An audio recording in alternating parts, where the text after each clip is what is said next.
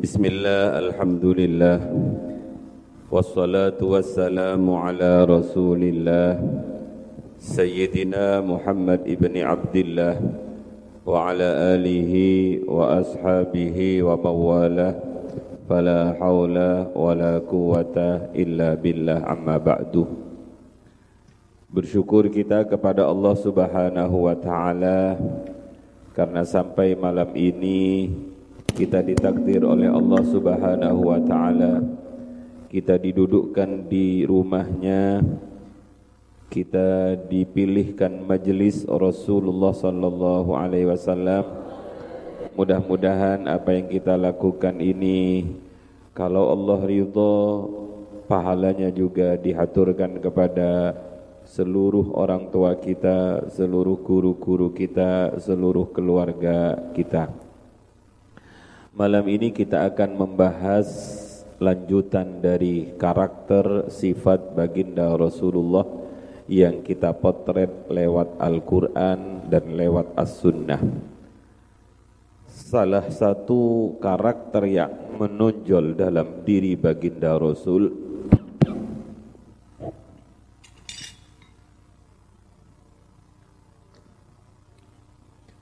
Beliau adalah pribadi yang jujur. Beliau adalah pribadi yang jujur.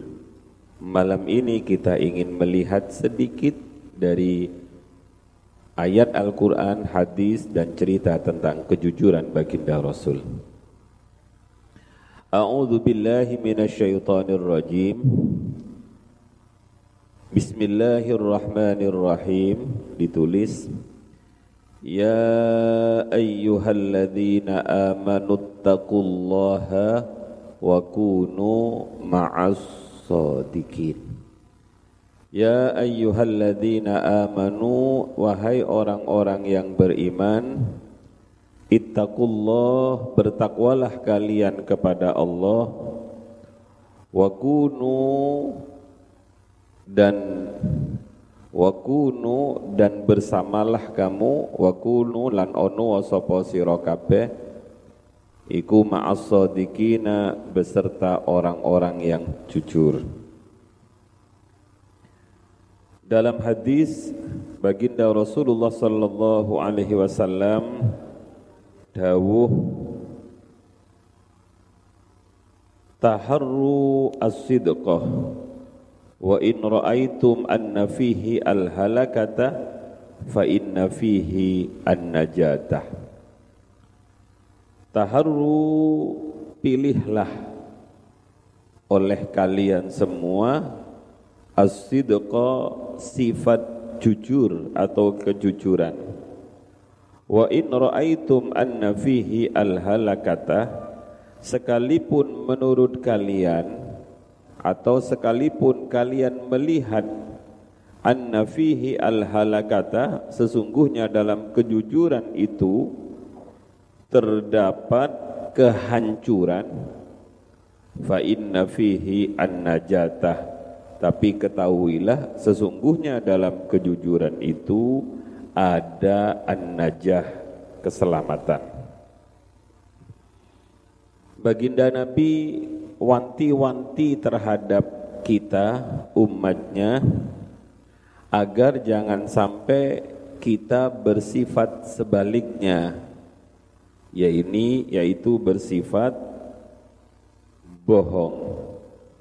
Dawuh beliau idza kadhiba al-abdu jikalau seorang hamba telah berbohong taba'ada al-malaku anhu mailan. Taba'ada maka akan menjauh. Al-malaku malaikat-malaikat anhu dari orang yang bohong itu mailan sejauh satu mail mailan sejauh satu mil Kenapa malaikat menjauh dari orang yang bohong? Min nutni maja'abihi Karena bau busuk yang keluar dari orang yang bohong. Kalau dalam pelajaran kita dikasih tahu setiap mukmin itu Allah beri malaikat yang disebut dengan malaikat hafadah. Sebagaimana dalam in kullu nafsin lamma 'alaiha hafid. Semua pribadi, semua manusia itu punya hafid. Hafid itu dalam tafsir As-Sawi itu disebut malaikat. Kalau orang mukmin itu bahkan malaikatnya bisa sampai 100 lebih yang menjaga orang-orang mukmin itu. Lah malaikat-malaikat yang menjaga orang mukmin itu akan menjauh sejauh-jauhnya oleh baginda Nabi diibaratkan dengan mailan. Kenapa? Karena malaikat-malaikat itu tidak kuat terhadap bau busuk dari orang yang bersifat pembohong. Makanya kanjeng Nabi wanti-wanti taharru as-sidqah wa in ra'aitum anna fihi halaka fa inna fihi an-najah. Sekalipun dalam kejujuran itu ada kerusakan, ada bahaya yang akan menimpa dirinya, maka tetaplah kita harus jujur. Kenapa? Karena dalam kejujuran itu ada keselamatan. Kalau kita tidak selamat di dunia, maka kita akan selamat di akhirat. Lah, Nabi Muhammad sallallahu alaihi wasallam adalah seorang pribadi yang amat sangat jujur. Banyak sekali kisah-kisah yang menceritakan tentang kejujuran Kanjeng Nabi. Sejak kecil kawan-kawan Kanjeng Nabi itu sangat mencintai Kanjeng Nabi. Karena mereka semuanya bersaksi bahwa pribadi kecil yang bernama Muhammad ini adalah pribadi yang sangat jujur. Sehingga Nabi sangat dicintai oleh kawan-kawannya. Sekalipun Nabi belum membawa risalah kenabian, pada zaman jahiliyah Nabi pun terkenal sebagai orang yang sangat amat jujur. Bahkan ketika Nabi Muhammad sallallahu alaihi wasallam mendapatkan wahyu ketika beliau mendapatkan wahyu di gua Hira beliau pulang dalam keadaan gemeter beliau pulang dalam keadaan ketakutan sehingga beliau berkata kepada istri tercintanya zammiluni zammiluni zammiluni selimuti aku selimuti aku Bagaimana peran Sayyidatina Khadijah waktu itu? Sayyidatina Khadijah istri tercinta beliau menyelimuti baginda Rasul dan membesarkan hati baginda Rasul. Sayyidatina Khadijah menenangkan beliau dengan kata-kata, "Tenanglah wahai suamiku, demi Allah Allah tidak akan pernah merendahkan kamu karena panjenengan ini orang yang suka menyambung tali persaudaraan." Engkau adalah pribadi yang selalu berkata jujur, engkau pribadi yang menyampaikan amanah, engkau pribadi yang menanggung kebutuhan orang-orang miskin dan memberi hidangan pada tamu serta engkau adalah pribadi yang mampu membantu orang-orang yang memerlukan bantuan. Jadi saat Nabi ketakutan itu, Nabi dibesarkan hatinya oleh Sayyidatina Khadijah, salah satu sifat yang diangkat oleh Sayyidatina Khadijah adalah gak mungkin Allah membuat kamu susah wahai suamiku karena engkau memiliki karakter-karakter yang amat sangat mulia. Salah satunya engkau tidak pernah berkata kecuali jujur. Makanya anak-anakku ada seorang kafir bernama Ahnas bin Shurek ketika pada peperangan Ahnas bin Shurek ini berdua dengan Abu Lahab Begitu beliau berdua dengan Abu Lahab, Ahnas ini bertanya kepada Abu Lahab, "Wahai Abu Lahab, sekarang tidak ada orang yang melihat kita, tidak ada orang yang mendengar pembicaraan kita. Saya ingin tahu jawaban, tolong jawab dengan sebenarnya. Menurutmu Muhammad itu pembohong apa jujur?" Abu Lahab musuh Nabi Abu Lahab yang dalam bahasa Al-Quran disebut tabban tabbat yada Abi Lahabi wa tab Karena tidak ada orang yang melihat, tidak ada orang yang mendengar, maka dia berkata kepada Ahnas bin Syurek, "Wahai sahabatku Ahnas bin Syurek, demi Tuhan kita, saya bersumpah bahwa Muhammad adalah pribadi yang sangat amat jujur." Bukan hanya pengikut Nabi, musuh Nabi pun mengatakan Nabi adalah orang yang jujur.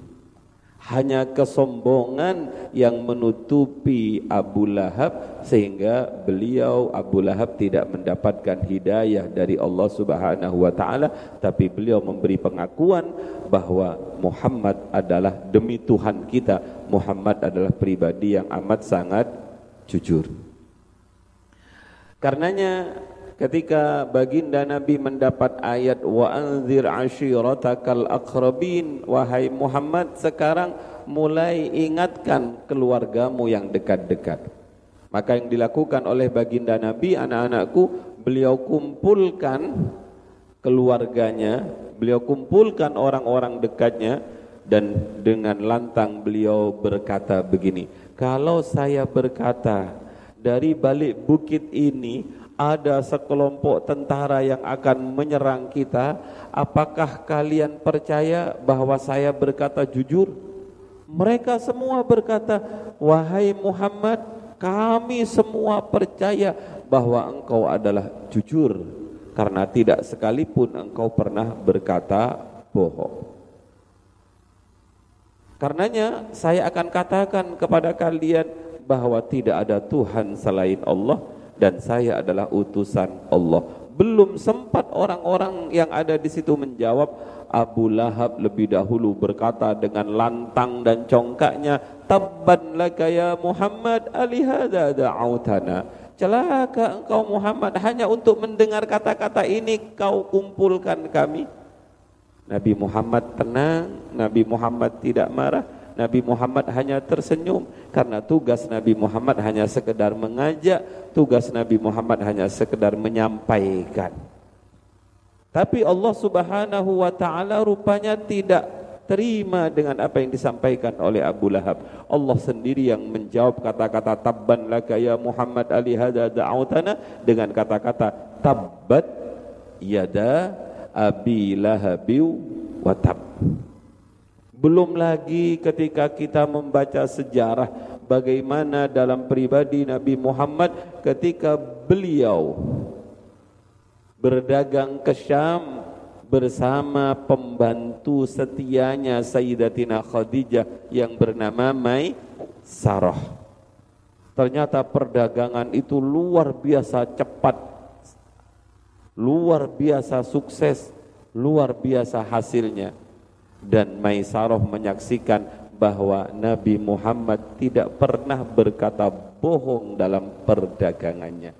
Maka kalau ingin meniru perdagangan yang sukses, tirulah perdagangan yang dilakukan oleh baginda Nabi Muhammad sallallahu alaihi wasallam. Anak-anakku, suatu saat ada seorang perempuan yang diingatkan oleh baginda Nabi Muhammad sallallahu alaihi wasallam. Dalam ceritanya disebutkan dalam hadis yang dikutip oleh Imam Al-Ghazali dalam Al-Akhlaq lil Muslim Abdullah bin Amir radhiyallahu anhu berkata Da'atni ummi yauman wa Rasulullah sallallahu alaihi wasallam qa'idun fi baitina. Suatu hari ibu saya memanggil saya. Wa Rasulullah sallallahu alaihi wasallam dan Rasulullah sallallahu alaihi wasallam qa'idun fi baitina. Beliau qa'id duduk di rumah kami. Faqalat lahu ta'al a'tika Ibu saya berkata, "Hei Abdullah, sini. Saya akan memberimu sesuatu. Ta'al a'tika." Faqala laha Rasulullah sallallahu alaihi wasallam maka mendengar kata-kata ibu saya yang memanggil saya dan berkata, "Sini nak, tak kei sesuatu." ke sini nak, kamu tak kasih sesuatu? Rasulullah langsung dawuh pada ibu saya, ma'arati antu'ti ma'arati antu'ti apa yang hendak kamu berikan? Ma'arati antu'ti hu apa yang akan kau berikan kepada anakmu itu? Qalat aradtu an u'tiyahu tamron saya ya Rasul akan memberi anak saya Abdullah kurma. Faqala laha Rasulullah maka Rasulullah berkata kepada ibu saya kata Abdullah ama innaki law lam tu'tihi syai'an kutibat alaihi kadzbatun ingat kata kanjeng Nabi kalau kau panggil dia dengan kata-kata sini akan kau kasih akan aku kasih kau sesuatu tapi kemudian engkau tidak memberi kepada anakmu itu sesuatu maka engkau dicatat oleh Allah sebagai orang yang memiliki dosa atas kebohongan. Jadi seorang ibu pun, seorang ayah pun, orang tua pun tidak boleh berbohong kepada anaknya. Seorang guru tidak boleh berbohong kepada muridnya. Maka sebuah kegagalan dalam dunia pendidikan kalau seorang guru itu sudah bohong terhadap muridnya, maka pasti muridnya akan menjadi pembohong dan guru itu juga akan dicatat sebagai pembohong dan dialah yang mengajari kebohongan terhadap murid-muridnya. Maka dalam riwayat yang lain Kanjeng Nabi dawuh qala li sabiyyin ta'al haka summa lam yu'tihi fahiya kadzbatun. Kalau ada seorang berkata kepada anaknya ta'al haka, "Hei sini akan kau akan aku beri kamu summa lam yu'tihi fahiya kadzbatun." Kalau orang itu tidak memberi, maka dia akan dinilai sebagai orang yang pembohong. Jadi pembohong itu, kebohongan itu bisa mulai dari tingkatan paling rendah, tingkatan paling kecil, yaitu dalam keluar keluarga. Anak-anakku, ada sebuah hadis yang panjang yang sebenarnya kita pernah baca hadis itu tapi saya ulangi karena ini berkaitan dengan kejujuran. Alaikum bisidqi fa inna sidqa yahdi ilal birri wa innal birra yahdi ilal jannah. Wa ma yazalu ar-rajulu yasduqu wa yataharra as-sadq as-sidqa hatta yuktabu indallahi siddiqan Kalian kata kanjeng Nabi alaikum bisidqi kalian harus senantiasa menerapkan kejujuran. Karena kejujuran akan menuntun kalian ke arah kebaikan dan kebaikan akan menuntun kalian ke sorganya Allah. Selama seorang menerapkan kejujuran dan terus memilih kejujuran, maka dia akan dicatat di sisi Allah sebagai hamba yang jujur. Sebaliknya baginda Nabi dawuh wa iyyakum wal kadhiba fa innal kadhiba yahdi ilal fujur wa innal fujura yahdi ilan nar wa ma yazalu ar-rajulu yakdhibu wa yataharra al-kadhiba hatta yuktaba indallahi kadzaban. Takutlah kalian pada kebohongan, jauhilah kebohongan karena sesungguhnya kebohongan akan menuntun kalian ke arah kemaksiatan dan kemaksiatan akan menuntun kalian ke neraka. Selama seseorang hamba melakukan kebohongan dan terus memilih kebohongan dalam dirinya maka Allah akan mencatat orang tersebut sebagai pembohong. Jadi berat sekali kalau orang itu bohong. Sebagai penutup ada sebenarnya peluang untuk bohong. Ada peluang untuk bohong. Sebab kanjeng Nabi dawuh begini, la yahillu al-kadhibu illa fi salasin. Tidak boleh, tidak halal bohong kecuali dalam tiga hal. Jadi ada bohong yang baik. Apa bohong yang baik itu? Satu, yuhaddithur rajulu imra'atahu liyurdiyahu seorang suami berkata bohong kepada istrinya agar istrinya agar istrinya senang, agar istrinya ridho, agar seorang suami itu menjadikan istrinya senang dan ridho. Bohong kok boleh. Lu pernah Rasulullah itu, tapi saya tidak berani mengatakan Rasul bohong. Tapi ini bukan disebut bohong ini. Suatu saat Rasulullah dikasih minum kopi campur garam. Karena Rasulullah datang, Sayyidatina Aisyah sangat senang dengan kedatangan suaminya baginda Rasul. Kemudian beliau langsung tergopoh-gopoh membuatkan kopi untuk baginda Rasul. Saking senangnya, saking gopohnya, lupa mau ngambil gula kena garam. Diudek na kopi ambek garam. Ini namanya kopi garam. Begitu dihidangkan kepada baginda Rasul, ya Rasul ini kopi spesial untuk jenengan, buatan tangan saya sendiri. Akhirnya baginda Rasul ngambil kopi itu diminum. Monggo diminum kopinya. Begitu kopi itu diminum, Rasulullah tersenyum. Walaupun kopi itu gimana ya rasanya, kopi pahit campur garam asin. Saya nggak bisa membayangkan seperti apa.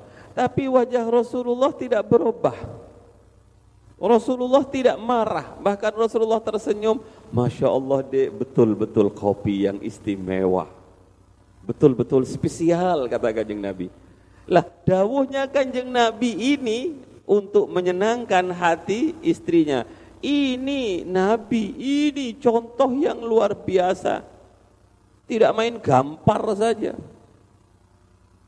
Akhir-akhir ini Berapa banyak suami-suami yang dengan mudah melayangkan tangannya kepada istrinya hanya gara-gara urusan kecil.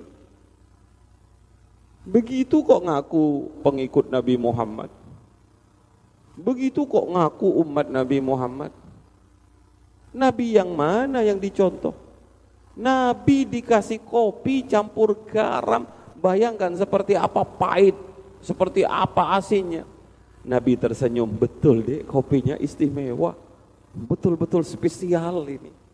Kata Sayyidatina Aisyah, ya jangan dihabiskan dong mas, saya ingin ngalap barokah. Jadi Sayyidatina Aisyah pasti dengan manja minta sisa kanjeng Nabi. Seperti biasa, saya minta dong barokahnya.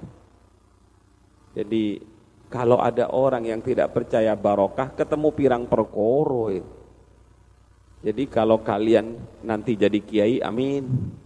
Walaupun jangan menjadi tujuan, tapi kalau kalian dipilih oleh Allah menjadi kiai, ingat kalau ngopi jangan dihabiskan. Sebab masih banyak yang ingin nyisa minuman kalian. Maka saya tak, tidak pernah menghabiskan kopi itu. Bukan karena saya kiai, tapi karena sudah kelempokan diambil dengan manjanya oleh Sayyidatina. Pokoknya saya minta begitu diminum oleh Sayyidatina Aisyah, kaget beliau, oh tuh, tuh, tuh, pucat Sayyidatina Aisyah. Malu campur takut. Malu karena salah membuat kopi. Takut kepada baginda Rasul. Tapi Rasulullah tersenyum, ya kamu sih maksa. Kan sudah saya bilang kopi spesial kamu sih ngerebut. Sebenarnya saya tidak ingin ini engkau nikmati juga. Itu Rasulullah. Berarti bohong untuk istri itu boleh. Misalnya kamu punya istri. Istrinya sudah agak pekat. Pakai baju merah menyala. Oh, bisa Anda bayangkan. Oh, pekat wajahnya pakai merah menyala. Kamu bilang gimana? Dek, dek, Yo kok koyok ngono sih uh, menakutkan. Jangan kamu bilang masya Allah sungguh paduan warna yang sangat indah. Uh, paduan warna yang sangat indah sudah hitam bajunya merah. Uh sewenang sekali saya. Boleh. Jangan kamu bilang masya Allah deh gak pecus. Tukaran kamu. Saya pernah diajari oleh ibu saya almarhumah. Bohong pada bapak, bohong pada abah saya. Waktu itu abah datang dari perjalanan bawa jeruk sak kresek. Wah anak-anaknya seneng karena Abah bawa jeruk. Jeruk, jeruk katanya Abah. Wah lari, termasuk saya yang paling kecil. Kan anaknya Abah Madura itu yang paling ganteng kan saya. Karena mbak-mbak saya semuanya perempuan. Langsung saya paling depan, seret makan. Kocut pol. Jeruknya itu kecut. Langsung, hmm, saya bilang, uh, tuh, tuh, tuh. Diciwit oleh ibu saya. Kok diciwit? Jangan begitu. Ngomong-ngomong manis. Saya disuruh bohong oleh ibu saya. Waktu itu saya berontaklah, saya kan jujur mengatakan apa adanya. Kemudian malamnya saya dikasih tahu kapan-kapan kalau abahmu bawa oleh-oleh, kamu nggak suka nggak usah komentar. Senangkan orang tuanya sudah jauh-jauh membawa oleh-oleh, gak diregani. Nggih bu, nggih. Nah, pelajaran dari orang tua dan itu dibolehkan dalam Islam untuk agar orang yang kita cintai, orang yang kita hormati ridho senang dengan kita. Paham gak? Satu. Yang kedua, wal kadibu fil harbi. Bohong dalam peperangan itu boleh. Karena peperangan itu pasti mengandalkan sia siasat. Kalau jujur-jujuran kamu jujur-jujuran maka orang itu yang ubanan seperti saya begini ini kan sudah mulai tumbuh uban wasta'alar gitu. Uban sudah mulai menyala. Orang boleh menyemir rambutnya dalam peperangan. Kenapa? Biar kelihatan gagah. Biar kelihatan hebat. Makanya suatu saat uh, ada orang sahabat yang dilaporkan kepada baginda Nabi gara-gara uh, dia berlaku siasat. Memperlakukan siasat itu gimana? Sahabat ini diangkat oleh Nabi sebagai pemimpin perang. Kemudian ketika semua tentara kedinginan, malam hari kedinginan, biasanya mengambil angat itu kan dari api unggun. Pemimpin panglima perang pilihan baginda Nabi itu kalau nggak salah Amr bin As melarang jangan kalian jangan kalian menyalakan api unggun. Us, karena panglima yang sudah bilang mereka nggak berani menyalakan api unggun, tapi keesokan harinya para sahabat itu matur kepada bin Rasul, "Ya Rasul, sampean kok milih panglima Amr bin As seperti itu? Memangnya kenapa? Dia melarang kami menyalakan api unggun." Terus, padahal kami sudah hampir kematian karena dingin. Kanjeng Nabi tanya, "Betul apa yang kau lakukan wahai sahabatku Amr bin As?" Nggih ya Rasul, saya memang yang melarang untuk menyalakan api unggun. Kenapa kau larang? Kasihan mereka kan kedinginan. Ya Rasul, kalau saya nyalakan api unggun, pasti kelihatan jumlah kita yang sedikit. Kalau jumlah kita kelihatan sedikit dan posisi kita ketahuan di mana alangkah mudahnya orang kafir menyergap kita. Maka walaupun kedinginan, saya tetap melarang mereka menyalakan api unggun karena saya yakin kedinginan itu tidak akan menyebabkan mereka mati. Rasulullah menepuk pundaknya bagus. Inilah dalam siasat peperangan. Jadi dalam siasat peperangan itu yang penting menang. Bohong-bohong tidak masalah. Yang kedua, yang ketiga, wal kadhibu liyusliha bainan nas berbohong karena ingin mendamaikan orang-orang yang bertikai. Berbohong karena ingin mendamaikan orang-orang yang bertikai. Si A tukaran dengan si B. Kamu ingin mendamaikan keduanya, boleh kamu berbohong. Kamu bilang kepada si A, Mas, apa? Si B itu, B itu Sakjani bilang sama saya bahwa kamu ini orang yang baik. Padahal gak pernah ngomong begitu. Kamu ini adalah orang yang hebat. Sakjani si B ini sudah kangen sama kau. Padahal gak kangen malah benci gitu. Tapi katanya sungkan mau ngomong mendahului sampai ah masa begitu. Enggak, sumprit. Jangan wallahi ya, sumprit gitu aja. Ah datang ke B, B saya kemarin dibilangi si A sudah lama pingin ketemu sampean sudah kangen dia ingat kebaikan-kebaikan kamu, dia menceritakan kamu itu orangnya baik, baik, baik. Akhirnya dua orang ini bertemu dan berdamai, boleh berbohong seperti itu. Saya kira ini pelajaran yang luar biasa dari baginda Nabi. Kalau kita ingin membicarakan sisi kejujuran Nabi, maka berapapun kertas yang ingin kita tulis tidak akan ada habisnya. Sebab Nabi adalah pribadi yang jujur. Karenanya Nabi terkenal sejak beliau belum menjadi Nabi sebagai pribadi yang al-amin. Apa al-amin itu? Dapat dipercaya karena beliau adalah seorang yang jujur. Saya kira cukup, semoga bermanfaat. Kita teruskan dengan mahalul qiyam.